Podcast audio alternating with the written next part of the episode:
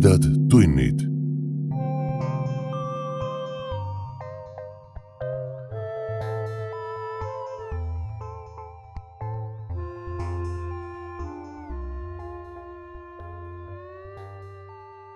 tere, hea ulmesõber. sa hakkad kuulama teist osa meie suvisest järjejutust. ühtlasi on tegemist teise osaga Maniakkide tänava ulmeloost Koletis kosmoses. kui sattusid siia juhuslikult, siis soovitame alustada esimesest osast. kõhedat kuulamist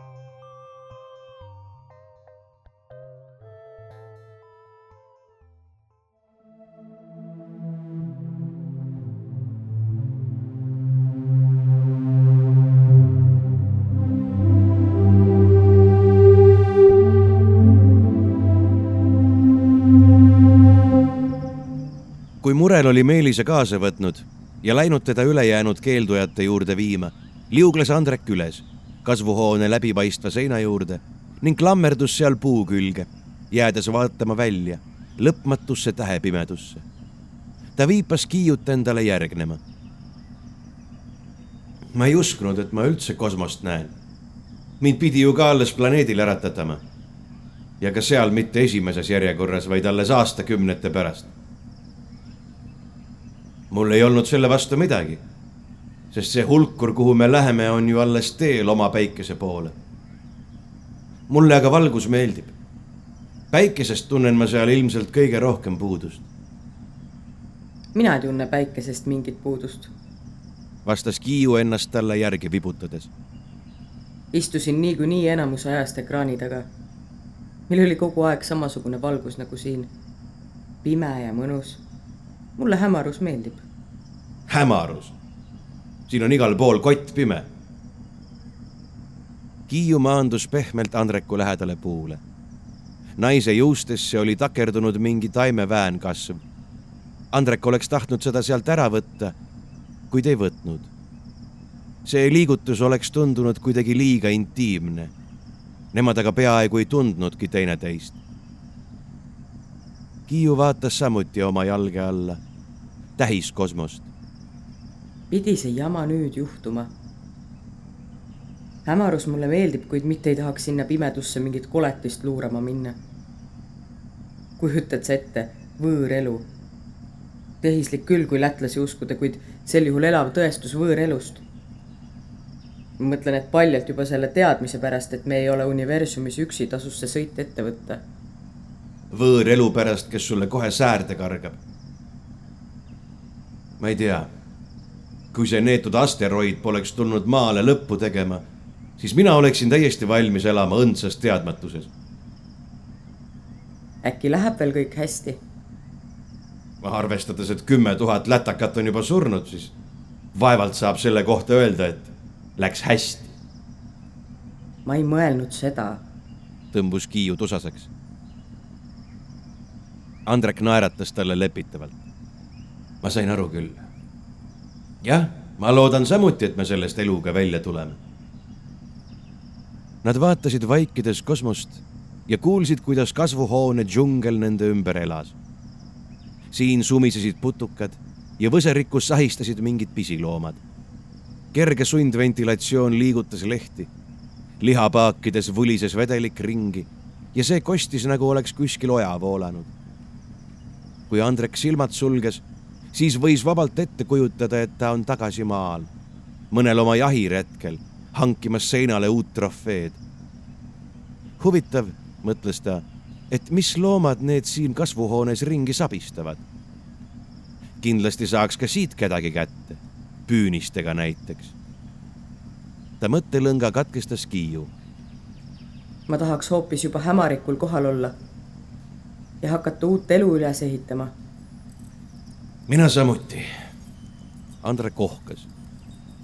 enne kui ta võis siinse kasvuhoone loomastikuga tutvuda või hämarikul jahiklubi asutada, pidid nad hankima ühe teise trofee. võib-olla kõige ohtlikuma looma oma, keda tal üldse kunagi jahtida tuleb. selleks pidi aga end korralikult ette valmistama. Andrek peletas unistused eemale. jõudsid lugeda, mis Murel meile jättis? ei veel eks siis uurime. Nad süvenesid oma randmekompuutrite ekraanidesse. tundmatut elukat kutsuti Briesmiks kolliks, sest viimane sõnum, mis lätlaste laevalt saadi, kõlas nii. Briesmiks Bresmonis boja visu ehk jube koletis tappis kõik. nagu Murel oli rääkinud, siis kõige esimesena jõudsid hämarikuni lätlased.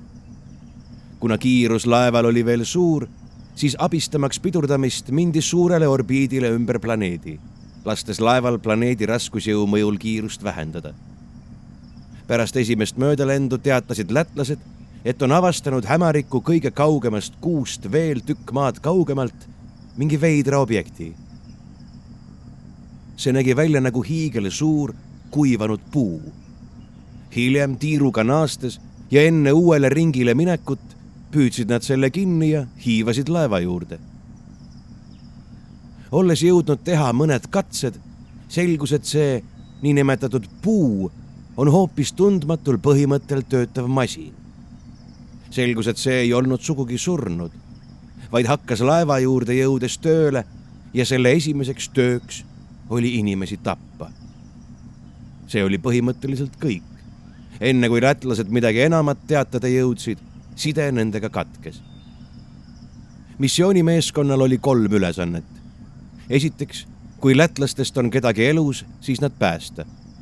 teiseks tuua kaasa kõik, mis käib Briesmiks kolli kohta ja on võimalik ilma ennast ja Estoniat ohtu seadmata kätte saada. eelkõige informatsioon. kolmandaks, seada üles vajalikud seadmed, et pärast päästemeeskonna lahkumist oleks võimalik jälgida laeva ja selles tegutsevat Briesmiksit, juhul kui too on veel seal või juhuks, kui ta peaks naasma. Andrekule hakkas nende ülesanne üha vähem meeldima ainus, mis talle selle juures meeldis, oli lause ennast ohtu seadmata. ta oli kindel, et just see saab tema deviisiks. kurinahk küll, ta ei osanud veel õieti kaalutluseski liikuda, kui teda taheti saata mingi tulnukkoletise vastu sõtta. samas kui Estonia kosmikutest meeskond on ise geneetiliselt muundatud, neil on kiibid pähe installeeritud ja nad peavad end seetõttu ilmselt üliinimesteks kosmosega adapteerunuteks. kui on vaja aga tulle minna, siis sokutatakse ikkagi neid, maalasi. kas pole veider, kuidas nad on end tehnikat täis toppinud? kosmikud. Jah, nad on niigi geneetiliselt muundatud ja lisaks veel kõik need kiibid, mis nad on endale sisse lasknud opereerida. tõepoolest, mind pani algul samuti imestama nägid, kuidas murelil jooksid naha peal ühendused. üpris lahe nägi välja. lahe? minu meelest pigem imelik. aga see teeb kosmoses elamise lihtsamaks. ma valisin ka juba välja oma kiibikomplekti, mis ma aiu lasen ühendada. Mida? kuna? noh, ma tulin varem Kröost välja kui teie ja sisustasin veidi vaba aega.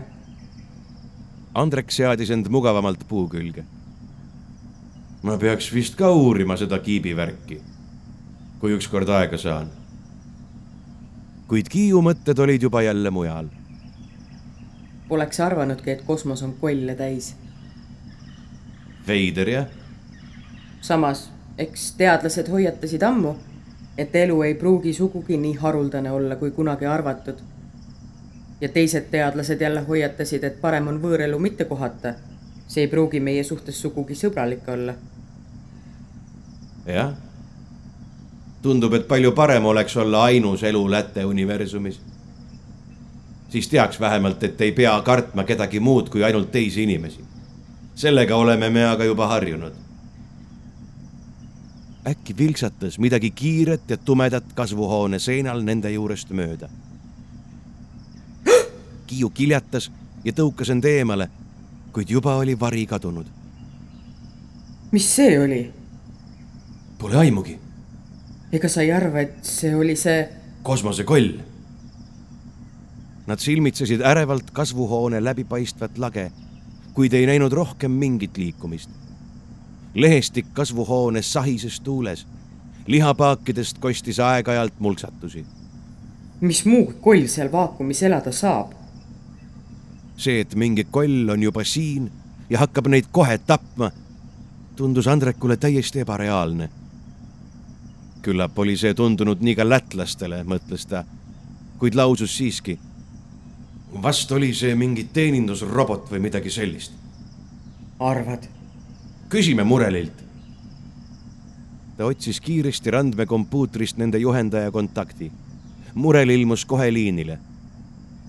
kuule me nägime siin väljaspool laeva mingit tumedat varju liikumas. tumedat varju? jaa, selline hästi kiire. kohe kontrollin. Läks veidi aega, mille vältel Andrek ja Kiiu hoidsid kasvuhoone katusel hoolsalt silma peal. Äkki peaksime eemale, lehtlasse minema? küsis Andrek. jah, mine tea. Nad eemaldusid kuid juba kostis jälle mureli hääl. see oli üks meie meeskonnast, hooldustööd. tulge, aeg on minema hakata. vaadake oma raalidelt, kolmas geneetikaplokk. mis seal on? kaalutuses tegutsemise treening. Peame teid selle vähese järgi jäänud aja kõvasti tagant kihutama, et harjuksite gravitatsioonivabas keskkonnas võimalikult hästi hakkama saama me ju harjutame siin igal sekundil, kui ringi liigume aga mitte võitluseks ja päästetöödeks. Kiiu naksutas keelt. see mees meile juba armu ei anna. milline mees? imestas Andrek. Murel. ta on ju naine. naine? Imestas Kiiu.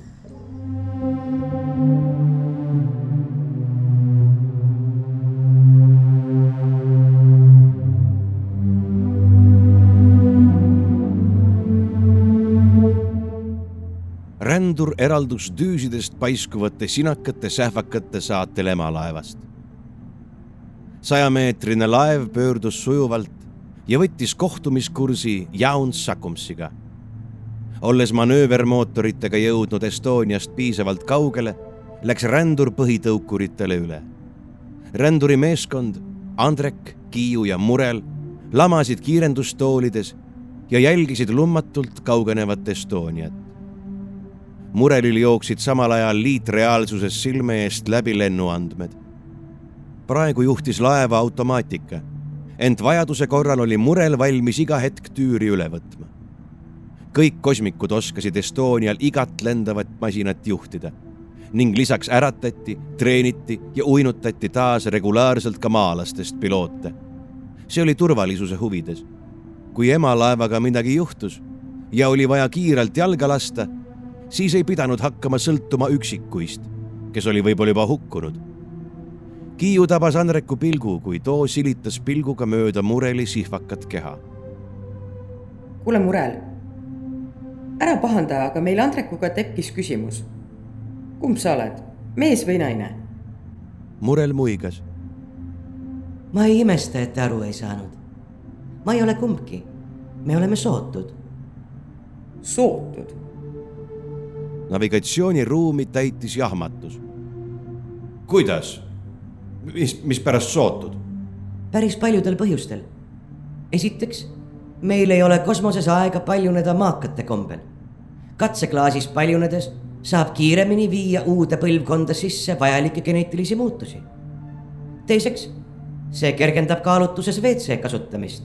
meil on selleks geneetiliselt loodud spetsiaalsed võimalused. Kiiu unustas eemalduva Estonia majesteetliku vaatepildi sootuks ja uuris Murelit suure põhjalikkusega. Murel tundis end nende pilkude risttules silmnähtavalt ebamugavalt. okei okay,, WC, see on juba argument. olen sellega ka ise hädas. aga lausa geneetilised muutused. Te teete inimkatseid. katseid teeme ainult embrüotega, keda iial suureks ei kasvatata. Need, kes suureks kasvatatakse, nendega ei katsetata. Neis tehakse kindlaid, heaks kiidetud muutusi. Andrek liigutas end rahutult. see kõlas võikalt. kas see ei ole ebamoraalne? ebamoraalne? jah, inimest niiviisi moonutada. Murel ei saanud temast aru. mis siin ebamoraalset on? nii säästetakse paljudest kannatustest kõiki kosmoses sündinuid. see on mõistlik. kas ei oleks parem lasta evolutsioonil? murel pööras ennast Andreku poole, nagu poleks ta uskunud oma kõrvu. evolutsioonivead on põhjustanud nii palju valu ja kannatusi, et mõistus tõrgub uskumast. no aga. mis see bioloogilisel paljunemisel moonutamine parem on? kas bioloogiline looduse pime evolutsioon saab olla meisterlikum sellisest geneetilisest läbiproovitud ja katsetatud evolutsioonist, mida meie geneetikud suudavad esile kutsuda? looduse moonutused on juhuslikud, inimese omad läbiproovitult kasulikud. sa pead minuga nõustuma, et looduse kobamisi tekkinu ei saa olla meisterlikum sellest kohastumisest, mida saab välja mõelda meie aju pealegi, loomulik evolutsioon ei suuda sammu pidada kosmilise elu kiiruse ja mitmekesisusega. kosmoses on populatsioon nii väike, et mingit geneetiliselt kasulikku tunnust levitada mingiski suuremas mastaabis on võimatu. arvestades et, et üheksakümmend protsenti kolonistidest on külmaunes. inimeste uus põlvkond kasvab kahekümne, kahekümne viie aastaga. meil ei ole aega oodata tuhandeid aastaid ja kümneid põlvkondi, et harjuda eluga kosmoses. me peame siin elama kohe ja võimalikult adapteerunult. See ei erine kiipidest. põhimõte on sama, laiendada iseenda olemust. jaa, venitas Andrek. ta ei osanud kohe seisukohta valida. Te olete selle kohe õige laialt ette võtnud.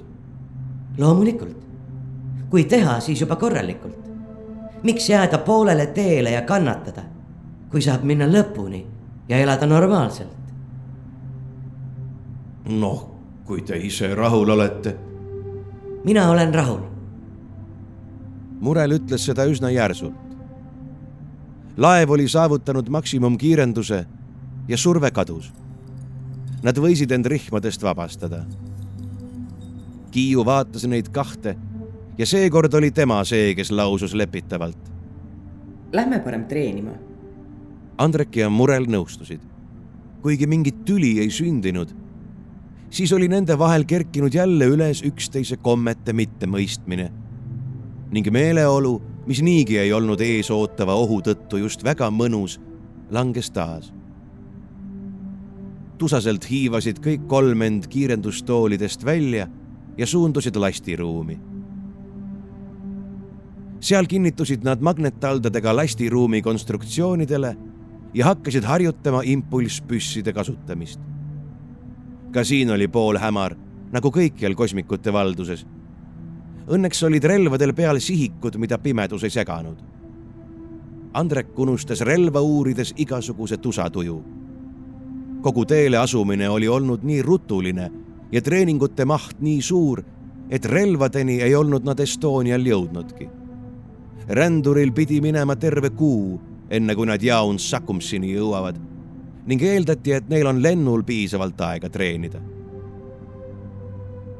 relv on lihtne, õpetas Murel mornilt ja napisõnaliselt. talle tundus, et Andrek pidas teda kuidagi alaväärtuslikuks, mingiks ebardiks. ja väga palju ta ei eksinud Andrek tundis tõepoolest, et tal oli Mureli läheduses imelik olla. Ta püüdis endale ilma sootunnusteta inimest ja nende igapäevaelu ette kujutada. kuid see oli nii veider, et ta parem loobus.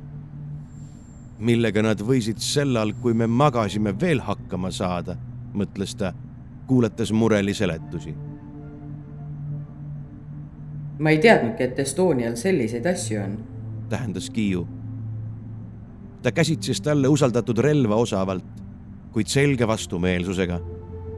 Ta ei nautinud mõtet minna tundmatu koletise vastu. Need ei näe välja ühegi relva moodi, millega ma maal sõdisin. ma ei teadnudki, et meile selliseid kaasa pandi. kellega nad arvasid, et me kokku lähme? või eeldasidki nad, et hämarikul on mingi elu? Murel pani oma relva kokku ja vastas alles tüki aja pärast. midagi ei pandud meile kaasa. Need relvad on loodud Estonial, geneetikasõdade pärand. nüüd kikitas ka Andrek kõrvu. sõjad siin, Estonial. murel venitas jälle vastamisega.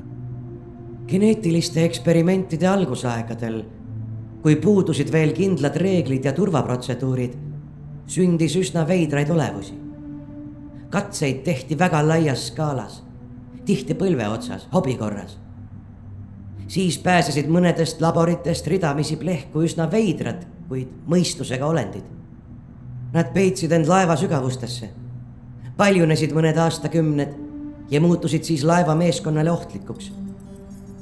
siis loodi relvad, mida saaks kasutada laevas, ilma et oleks ohtu kõrvetada laeva keresse auk või selle seadmeid hävitada. näete, sellel on kaks režiimi. EMP seadmepargi vastu ja bio elavate kudede hävitamiseks. seadmepargi vastu. Need olid üsna nutikad sellid, need põgenenud eksemplarid. kõrgendatud intelligentsiga ja nuputasid üsna kiiresti välja, kuidas toota ja implanteerida enestesse kiibitehnoloogiat. kogu kiibivärk ongi nende pärand. Nad olid inimesed. ei, kuid nad olid loodud inimeste baasil ja mis neist sai? me tapsime nad maha. selleks kulus kolm aastat. murel tõstis oma relva palge ja tulistas sihtmärgi pihta, vahetades laskmise ajal sujuvalt režiime. näha ei olnud midagi, sest mõlemad režiimid kasutasid silmale nähtamatuid lainesagedusi. kuid relv tegi vaheldumisi piu-piu-piu ja tšah-tšah-tšah hääl lisati juurde, et oleks lihtsam lahingus taibata, millisel režiimil sul parasjagu relv on. muidu võib ärevusega teinekord segi minna. näete, siin vahetab ka andur värvi, et vaakumis, kus heli ei levi, samuti aru saaks. murel langetas relva. spetsiaalselt sihtmärgiks toodetud lihapall mustendas kärbunult ja selle peal ning sisemuses pildusid kiibid sädemeid välja Andrek kuulas mureli juttu ja vaatas suitsevaid sihtmärke. kes on see, kelle kõrval peab ta siin olema? on too ise ka üldse enam inimene?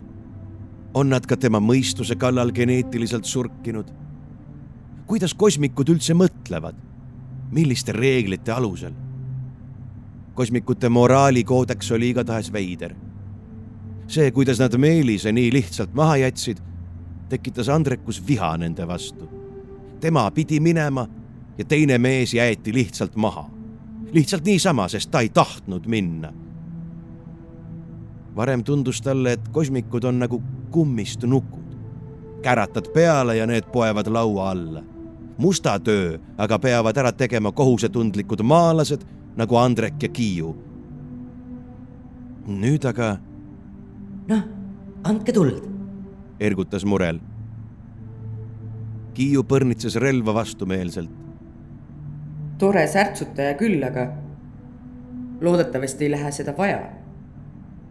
kindlasti läheb vaja.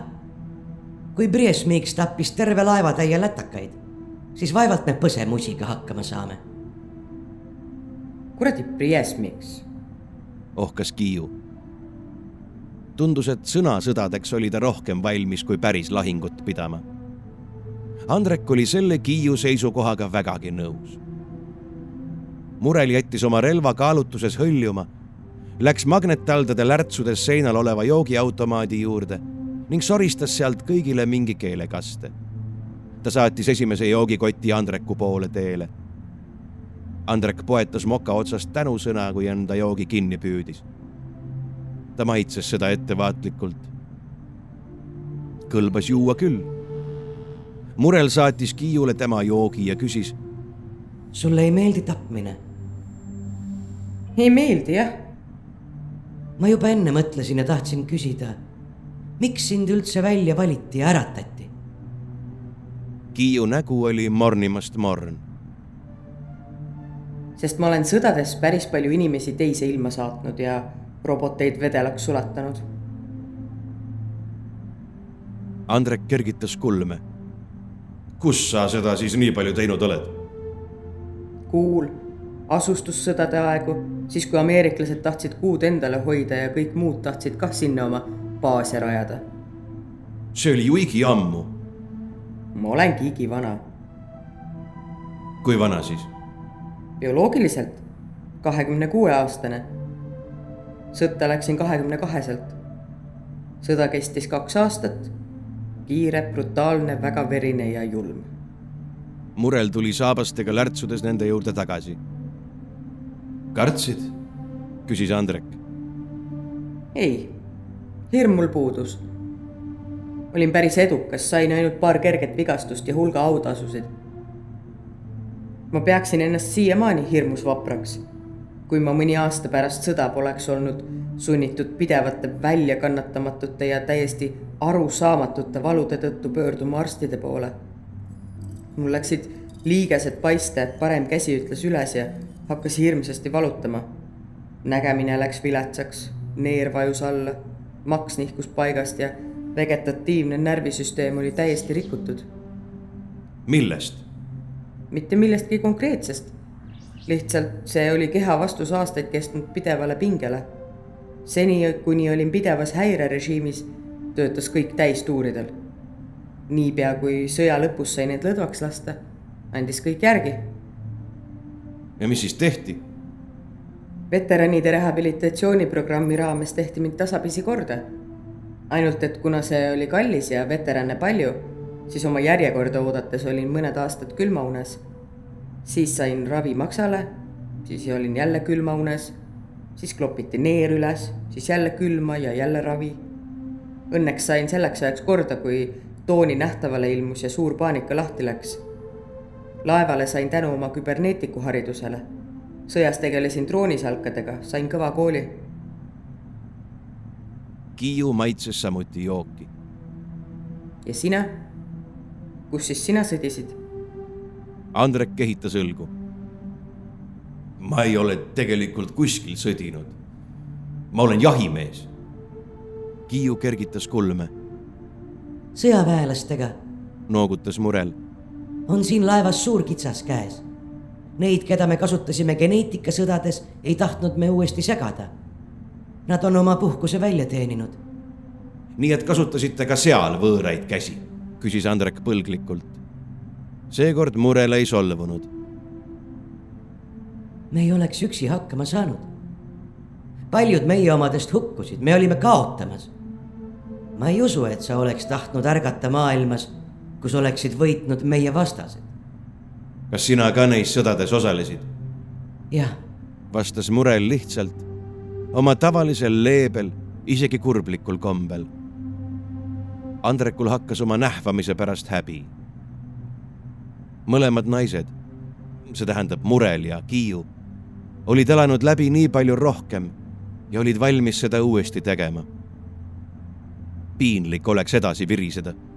lõppude lõpuks olid nad ju kõik ühes laevas.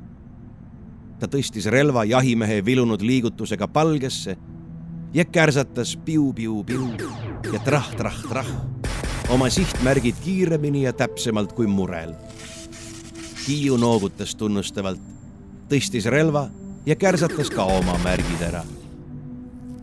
noh, pomises Murel, kelle tulemused osutusid kõige kehvemateks. selle asjaga on meil vist üsna korras. lisatrenn ei tee kunagi halba, kui on selline vastane. mütsiga lööma ei tasu minna. teised nõustusid temaga. meeskonnas valitses vähemalt selles asjas üksmeel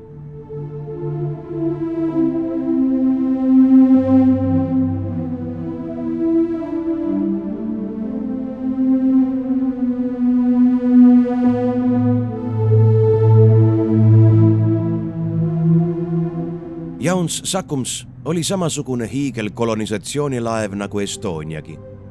selle kujugi oli samasugune. kilomeetreid pikk, sigarikujuline, pealisehitised välja eenduvate furunklitena üle kogu laevakere. keskel suur kunstlikku gravitatsiooni tekitav G-rattakompleks. kuid see oli enne. nüüd oli kogu laevakere tublisti moonutatud tohutud mustjaspruunid kombitsad, mille läbimõõt oli mõnes kohas meetreid, olid selle täiesti läbi puurinud. kogu see suur ussipesa voogas ja liikus vaikselt. Andrek tundis külmavärinaid. Hiiu, skaneeri ja pildista seda elukat kõigil sagedustel ja iga seadmega. korraldas Murel peale vapustatud vaikuse hetke. Andrek, kammi veel kord lätlaste kõiki sagedusi ja püüa leida vähimatki signaali. mina sean meid põkkumiseks valmis. skaneering käib. põkkumiseks?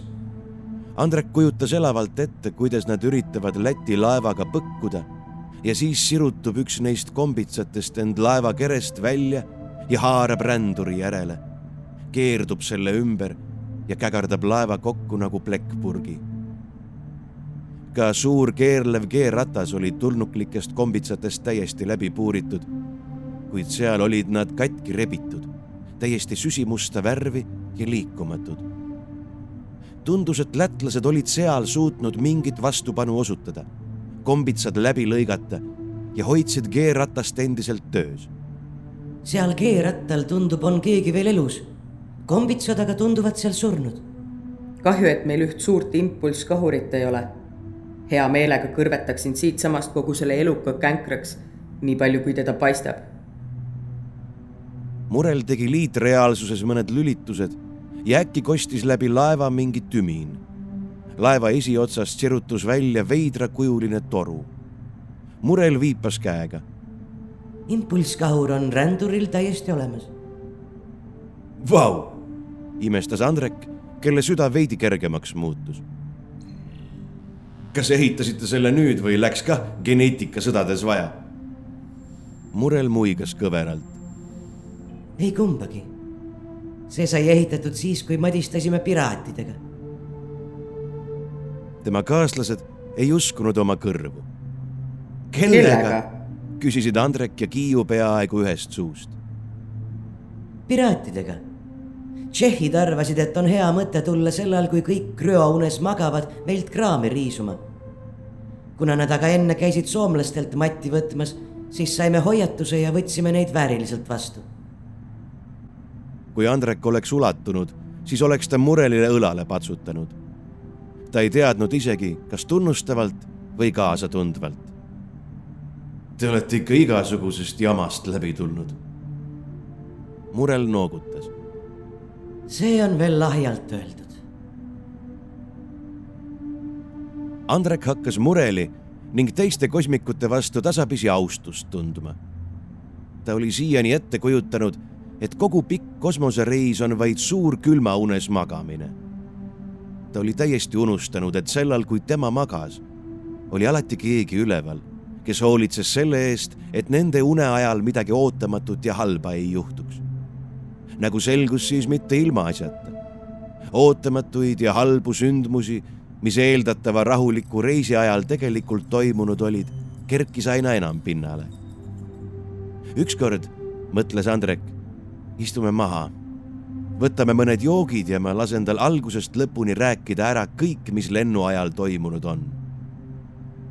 praegu oli aga neil endil üks ootamatu ja halb asi lahendada. noh väga hea, et meil see kahur on. Nad silmitsesid kõik kolmekesi lätlaste vrakiks muutunud laeva. rändur salvestas kõike, edastades samal ajal pilti ka Estoniale. see siin on hullem kui piraadid, arvas Murel ja Kiiu ohkas. tundub, et hämarik ei olegi nii tühi koht, kui me arvasime. see olend võib olla siin juhuslikult ebausutav. Lätlased skaneerisid planeeti möödalennul mitu korda. sellel puuduvad igasugused tehnilised tsivilisatsiooni märgid. Andrek kõverdas suud. no minu meelest on see seal kosmoses üks igavesti pirakas elumärk. see võib olla siia saabunud samamoodi nagu Tooni maale. Kiiu noogutas. noh, seda küll. või nagu meie siia. jah mis tähendab, et on täiesti võimalik, et siin on sihuke elu, mis pole siin arenenud, kuid elab siiski siin. Murel rapsas vaigistavalt käega. võib-olla nii ja võib-olla teisiti. las seda uurivad edaspidi teised. meil on oma ülesanne. leidsin signaali. see tuleb G-rattast, teatas Andrek. kõik sirutasid oma virtuaalsed pilgud Andreku ekraanile. Ja tõepoolest oli laeva selles osas mingeid soojusnäite.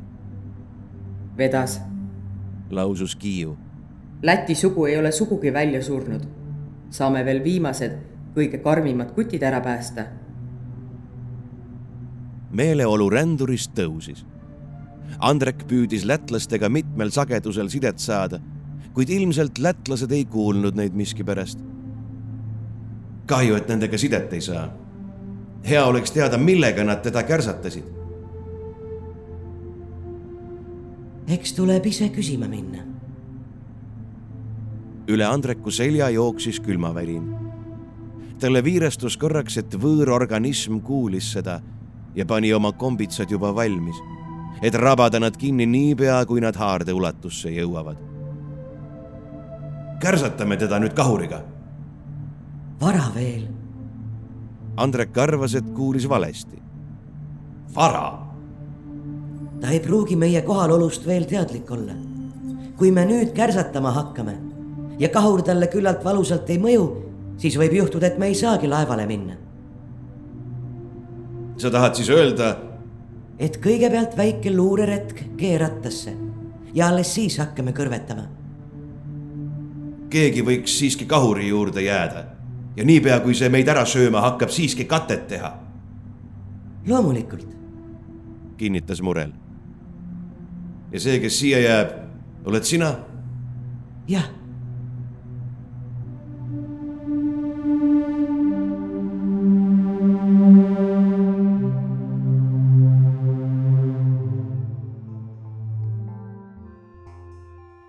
Te kuulsite teist osa meie suvisest järjejutust ja ühtlasi teist osa Maniakkide tänava ulmeloost Koletis kosmoses. järgmine osa täpselt nädala pärast. kui sa ei malda nii kaua oodata, mine lehele patreon.com kaldkriips tumedad tunnid ja kuula tervet juttu juba praegu. kõhedate kuulmisteni